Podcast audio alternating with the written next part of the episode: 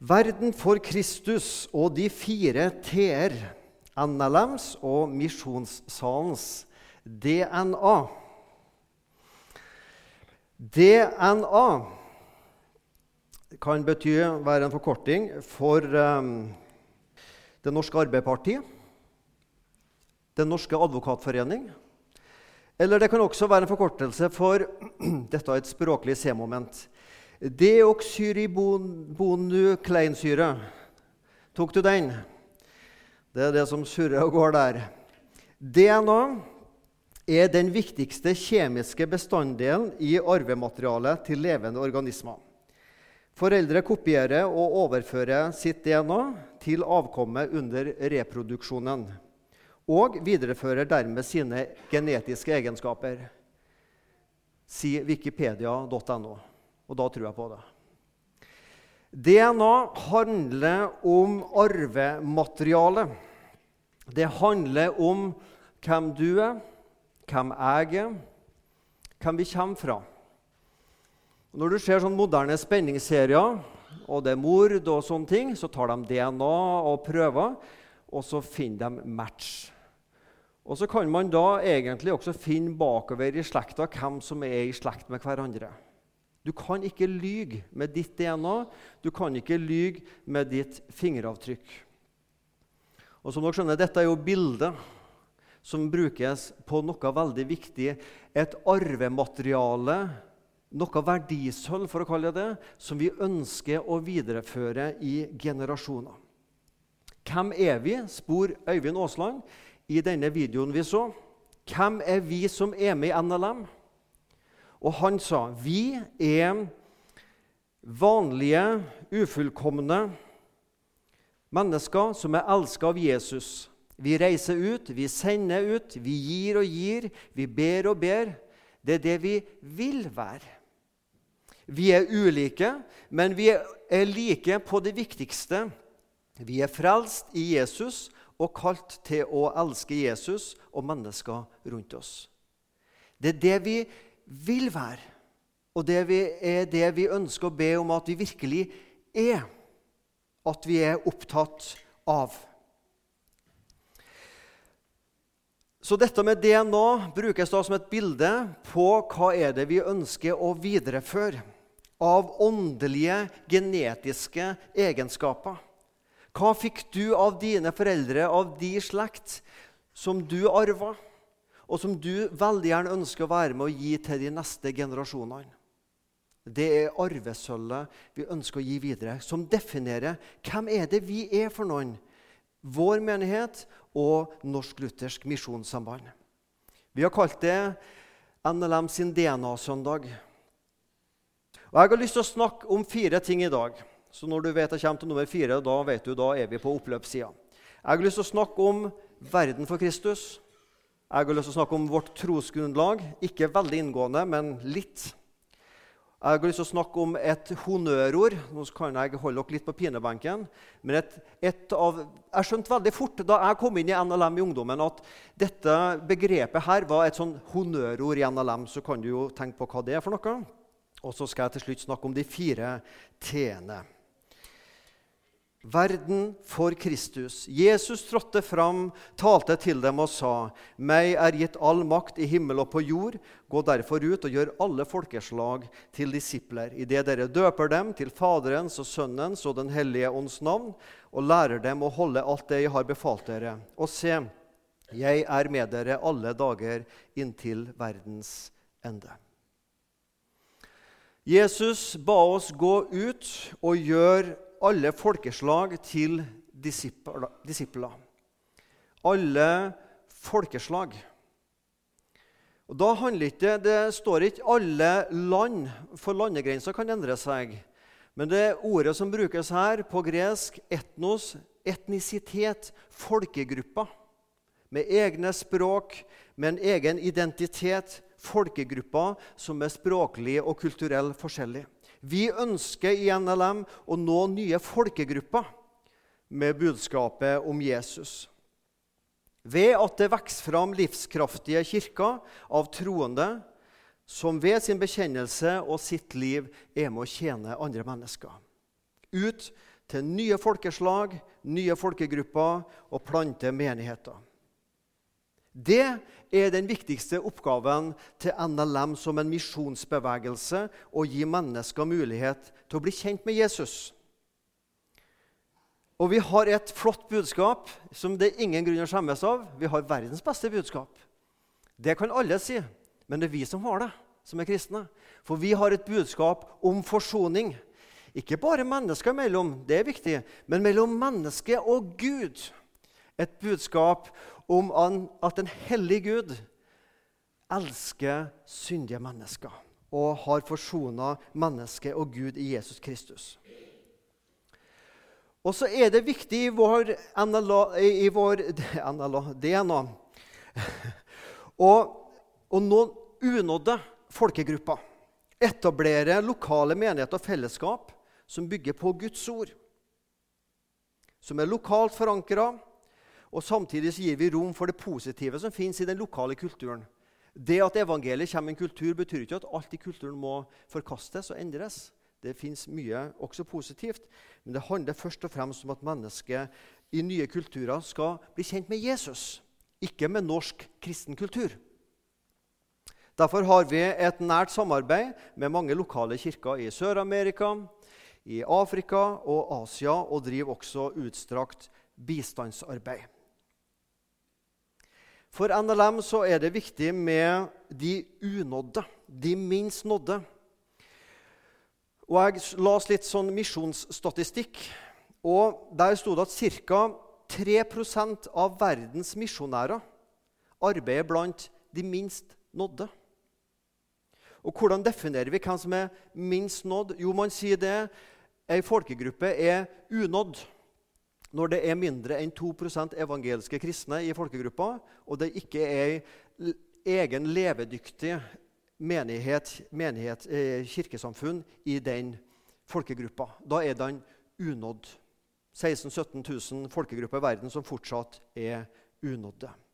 Så 3% av verdens misjonærer arbeider blant de minst nådde, som utgjør 3 milliarder mennesker i verden.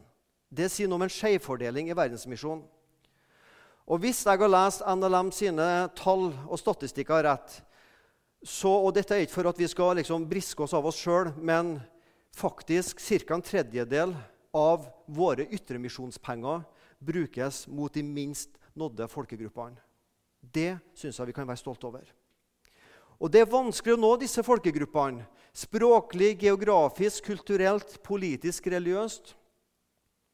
Det fins folkegrupper som vi ikke kan snakke om offentlig, at vi driver misjon om på Internett, liksom i, i, større forsamlinger. Og vi må bruke litt sånn kodespråk, sensitivt arbeid, som vi kjenner litt til også her i Misjonssalen. Der vi har hatt og fortsatt har misjonærer blant. De unådde. For mange år siden, i forrige årtusen, så gikk jeg på misjonsskole på Fjellhaug. Og Jeg har sikkert glemt det meste, men jeg husker nok en del også. Men jeg husker i hvert fall én setning som jeg husker som har brent seg fast. Og Det var en lærer som heter Olav Sæverå, som hadde vært eh, misjonær i Etiopia. Og Han sa følgende i en misjonstime.: De unådde har alltid førsterett på evangeliet. Og det kan ingen være uenig i. De unådde har alltid førsterett på evangeliet. Vi skal drive misjon i Norge, i Sandnes. Ikke sant? Vi setter ikke ting opp mot hverandre. Men det er alltid noen som har førsteretten på å høre evangeliet. Og det er dem som ikke kan nås. Vi deler verden gjerne inn i kristne ikke-kristne. Men de ikke-kristne kan vi dele inn i også i to grupper. Det er dem som er ikke-kristne, men som har mulighet til å høre om Jesus. Men så er det de som er ikke-kristne, som ikke har mulighet til å ta et valg engang. No choice people. Det er de menneskene som ikke har muligheten til å ta valget for Jesus. De minst nådde. Dem har vi et spesielt ansvar for i vår misjon. De unådde. Og vi ønsker å være en bevegelse som hele tida ikke, som ikke slår seg til ro, men som hele tida har litt den uro i kroppen. Vi må videre. Vi må, vi må nå den folkegruppa som er bak det fjellet der. Den språkgruppa som er over den sjøen der. Vi, vi kan ikke bare slå oss til ro. Vi må videre. Hele tida videre. Så så jeg i jula program om de kongelige i 2017. Eh, og To av de kongelige hadde vært i Etiopia og møtte bl.a. våre misjonærer der. Og fra, For 50 år siden, når kong Olav var der, da var det 200 NLM-misjonærer. Nå var det 20 NLM-misjonærer i Etiopia. Og jeg tenkte ja, mm, det var synd at det var så få. Og det er det. Men samtidig ser er det noe, vi har flytta også misjonærstyrken til nye unådde områder. Der det var i Etiopia for 50 år siden, så er det ikke sikkert at det er på samme måte unådd nå. Nå er det andre plasser i verden vi vil sette inn styrken og kraften vår. Sånn skal det være. Vi vil alltid videre. Vi må videre. Men misjonen i Etiopia er ikke ferdig, sjøl om du har verdens største lutherske kirke også i, i den er nettopp i Etiopia, Mekan Jesu-kirken. Som har en vekst på flere hundre tusen hvert år. ja, Det kan vi bare drømme om. Men det er fantastisk. En av disse gruppene som vi starta arbeid for for eh, 20-30 år siden, noe sånt, er i Mongolia. Uh, rundt 1990 så falt kommunisten i Øst-Europa. Og Mongolia er jo ikke akkurat Øst-Europa, da, men, men, var veldig påvirka av kommunismen. Og Rundt 1990 så visste man om, man visste om fem personer som var bekjennende kristne i Mongolia. Jeg husker enda, I min ungdom så var det et sånt program med KLM, vet du, eh, Kirkevåg, Lystad, Mjøen. Og så hadde de en sånn sketsj med sånn eh, ambassadørskole som skulle reise rundt til ambassadørkorps. Og da var det stolleken. Så var det alltid én stol mindre enn antall folk som vært med på den. sant? Og til slutt så var det en én stol som ingen ville sette seg. Det var Ulan Bator i Mongolia. Dit ville ingen på 80-tallet, og det skjønner jeg godt. Så feil kommunismen, og så vet vi om fem kristne. Og i 1994 blir det vedtatt vi skal sende misjonærer til Mongolia. Um, og i dag så antar man at det er en plass mellom 50 000 og 100 000 kristne i Mongolia på disse 30 åra. Det er helt utrolig. Og Mongolerne sjøl har satt seg i den mongolske kirka eller det er jo flere kirker da, har satt seg som mål at innen 2020 det målet satte de for ti år siden, at innen 2020 skal 10% av Mongolias befolkning på 3 millioner mennesker være kristne. Altså 300 000.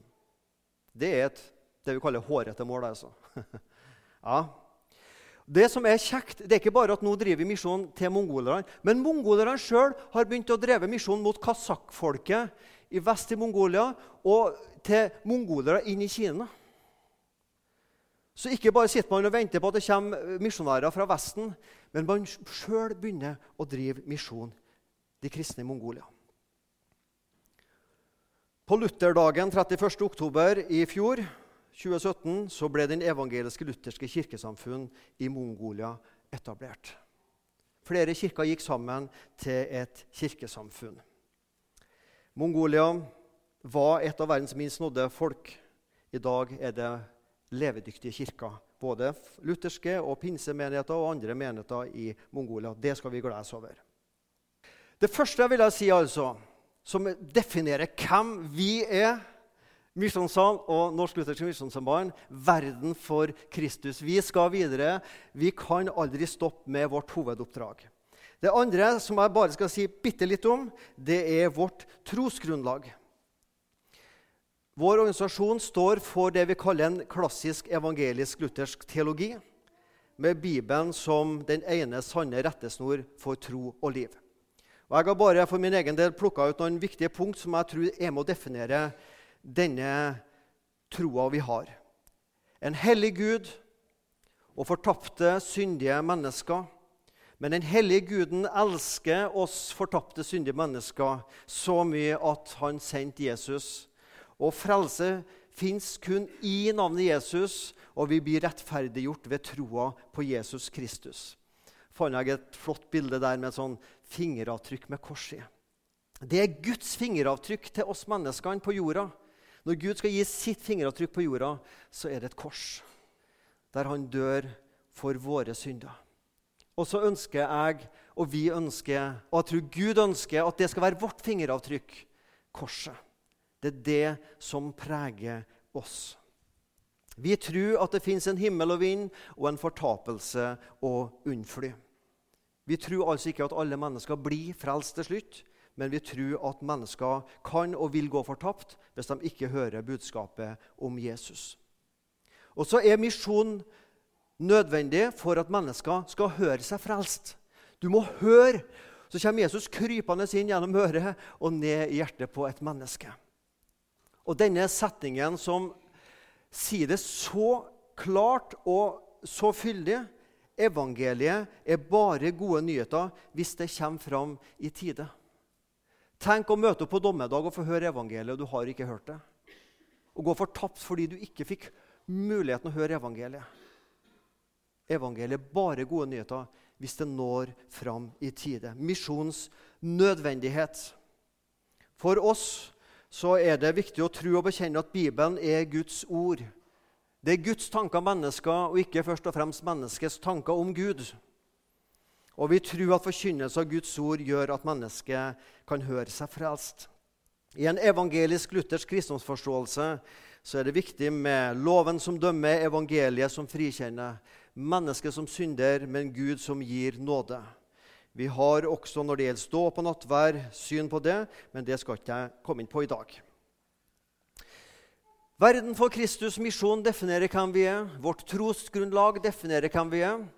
Og så sa jeg det at eh, Da jeg i min tidlige ungdom kom inn i Norsk Luthersk Misjonssamband, hadde jo aldri hørt om det i oppveksten, men ble kjent med det i tidlig ungdom, så lærte jeg et begrep som jeg fort skjønte dette er et viktig begrep i den organisasjonen jeg nå har blitt med i. For alle organisasjoner har jo sine viktige begreper. Arbeiderbevegelsen snakker om kamerater. ikke sant? Når du hører en på TV-en snakke om kamerater og litt sånn der, da er det arbeiderbevegelsen på sitt beste. I idretten så er det treningskollegaer og konkurranser er sånne uttrykk som brukes. Hjelpeorganisasjoner snakker om å avhjelpe nødhjelp, avhjelpe nød og humanitære katastrofer. Er det noen som kan tippe hva slags uttrykk som jeg fort skjønte at dette er et viktig begrep i NLM? Ja, Det kan være Jesus, det kan være frelse, men det var ikke det jeg tenkte på. Noen som tør å tippe? Misjonsvenn? Ja. Men det var ikke det, men, men, det er et veldig viktig begrep. Det begynner på det. Det er Og så er det to ord etterpå. Det allmenne prestedømmet. Det skjønte jeg fort. Altså, det allmenne prestedømmet og det myndige lekfolk. Liksom. Det var sånn tunge, viktige honnørord i vår organisasjon. 1. Peter 2, vers 5 og vers 9. Bli selv oppbygd som levende steiner til et åndelig hus, til et hellig presteskap, til å bære fram åndelig offer, slike som er Gud til behag ved Jesus Kristus. Men dere er en utvalgt ett, et kongelig presteskap, et hellig folk, et folk til eiendom, for at dere skal forkynne Hans storhet, Han som kalte dere fra mørket til sitt underfulle lys. Det allmenne prestedømmet, hva er det flott Eller hva betyr det flotte sånn honnørordet der? Det betyr at alle vi som tror på Jesus, er prester for Gud. Alle er vi prester. Vi er på lik linje som kristne. Uavhengig av utdannelse, nådegave og kjønn så er vi alle prester for Gud. Vi trenger ingen prest eller pastor, forsamlingsleder, kall det hva du vil, som en mellommann for mitt åndelige liv og min tjeneste. Jeg kan møte Gud direkte gjennom Jesus Kristus. Jeg kan sjøl møte Gud med mine offer. Det jeg kommer til Gud med. Jeg trenger ingen annen mellommann enn Jesus Kristus. Det er ikke nødvendig at NLM eller bedehusene det kan, men det er ikke nødvendig at det ledes av en teologisk utdanna, ordinert prest eller pastor. Frivilligheten framfor å være avhengig av ansatte. Det er du og jeg, ikke som ansatt, men det er vi som frivillige, som lekfolk, som skal lede og styre og være med å tjene. Vårt kall er å forkynne Hans storhet det er misjonen å forkynne om Guds storhet vist på et kors ved Jesu død for våre synder. og hans oppstandelse. Det er vårt kall som allmenne prester. Det skjønte jeg fort at det var et honnørord i NLM. De fire t-ene. For det er det jeg ønsker at Misjonssalen skal være. Veldig avansert tegning er det ikke. Der barna har sitt rom, der ungdommen har sitt rom. Sånn liksom tegner jeg ungdommen. Der voksne Dette er jo et hus, da, ikke sant? Ligger på sofaen med ei bok eller med fjernkontrollen. Men barn, ungdom og voksne i et hus møtes til middag og frokost osv. Her er Guds hus. Her er barna opp nå og tvins. og altså, Forkynnelse tilpassa den alderen man er i. Men vi samles om den samme maten. Og jeg snakka da for ti år siden om de fire t-ene, som er Skal vi si dem sammen? 3, 2, 1, 0. Tro, tilhøre, tilbe og tjene. Ja, Det var mange som huska det. Takk for det. Tro, tilhøre, eh, tro og tilhøre, tilbe og tjene. Misjonssalen jeg ønsker og håper vi sammen ønsker at vi er en forsamling der vi har rom for de ulike aldersgruppene. Ei flergenerasjonsmenighet som har tilpassa mat og tilpassa aktiviteter. Men sjøl om maten er tilpassa, så er det den samme. Tro, tilhøre, tilbe og tjene. Og veldig kort, veldig kort. Hva tenker jeg når jeg sier tro? Det handler om å bli bevisst på vårt kristne trosinnhold. Hvem tror jeg på? Hva tror jeg på? Hvorfor tror jeg på det? Det å ha en frelsende tro, det å vokse i tro og leve i tro hver dag, og det å dele troa, misjon og evangelisering. Dette er en verdi for oss tro. Å tilhøre, identitet. Hvem er jeg? Jeg tilhører først og fremst Gud. Jeg trenger ikke å tilhøre ei menighet eller denne spesifikke menigheten for å tilhøre Gud. Men fordi jeg tilhører Gud, så vil jeg tilhøre et fellesskap. Det er ikke bare meg og Jesus alene hele tida. En privat tro. Nei, jeg vil leve troa i et fellesskap. Vi ønsker å være i forsamling der vi blir bevisst på at vi tilhører Gud. Han eier oss, og der vi tilhører hverandre. Hver gang du møter ordet 'hverandre', iallfall hos Paulus og Peter i Nytestamentet, så kan du tenke nå beskriver de kirke. Hverandre kristne.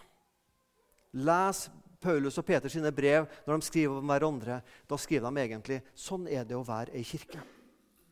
Tilbe.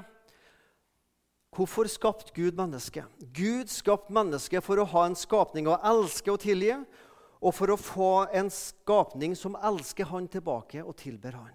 Gud vil ha noen å tilgi og elske. Eller han viser at han elsker ved å tilgi. Og Gud vil ha en skapning som elsker han tilbake. Det er tilbedelse. Det er lovprisning. Det er å elske Han tilbake. Å tilbe, lovsang, lovprisning, det kan vi gjøre i menigheter, det kan vi gjøre i småfellesskapet, eller som det står i Apostelens gjerninger, de kom sammen i hjemmene. Ikke sant? Småfellesskapene i hjemmene. Derfor bør du være med i et småfellesskap. I menigheten, i småfellesskapet, eller foreninga, hvis du vil kalle det det og vi kan gjøre det alene. Når jeg nå sitter og kjører tilbake der jeg bor, så kan jeg bruke tid for meg sjøl og lovprise Gud. Eller du er på en gåtur rundt Mosvatnet eller hvor du nå går hen. Eller du sitter i godstolen. Men jeg vil gjerne, Det er kjekt å tilbe alene, det er kjekt å tilbe i et småfellesskap, men det er enda kjekkere å tilbe i ei hel menighet sammen. Og for det fjerde altså å tjene. Gud trenger ikke dine og mine gode gjerninger. Det gjør min neste. Min neste møter jeg her i menigheten og i hverdagen. Disse fire t-ene er ikke noe hokus pokus. Det er rett og slett at det skal være noe sånn lett å huske. Hva er det, hva er det vi driver på med i denne forsamlinga? Vi driver på med tro og blir bevisst på å tilhøre Gud og hverandre. Vi vil tilbe Gud, og vi vil tjene hverandre. Det er det vi vil. Fire t-er, litt enklere å huske. En fokusert forsamling, lett å huske forhåpentligvis lett å bli inspirert av og utfordrende å følge. DNA. DNA. Arvematerialet til levende organismer. det ønsker vi å overføre til nye generasjoner. NLM og Misjonssalen Jeg tror at NLM og Misjonssalen vil fortsatt være levende organisasjon og menighet i åra som kommer, hvis vi holder dette fokus på misjon.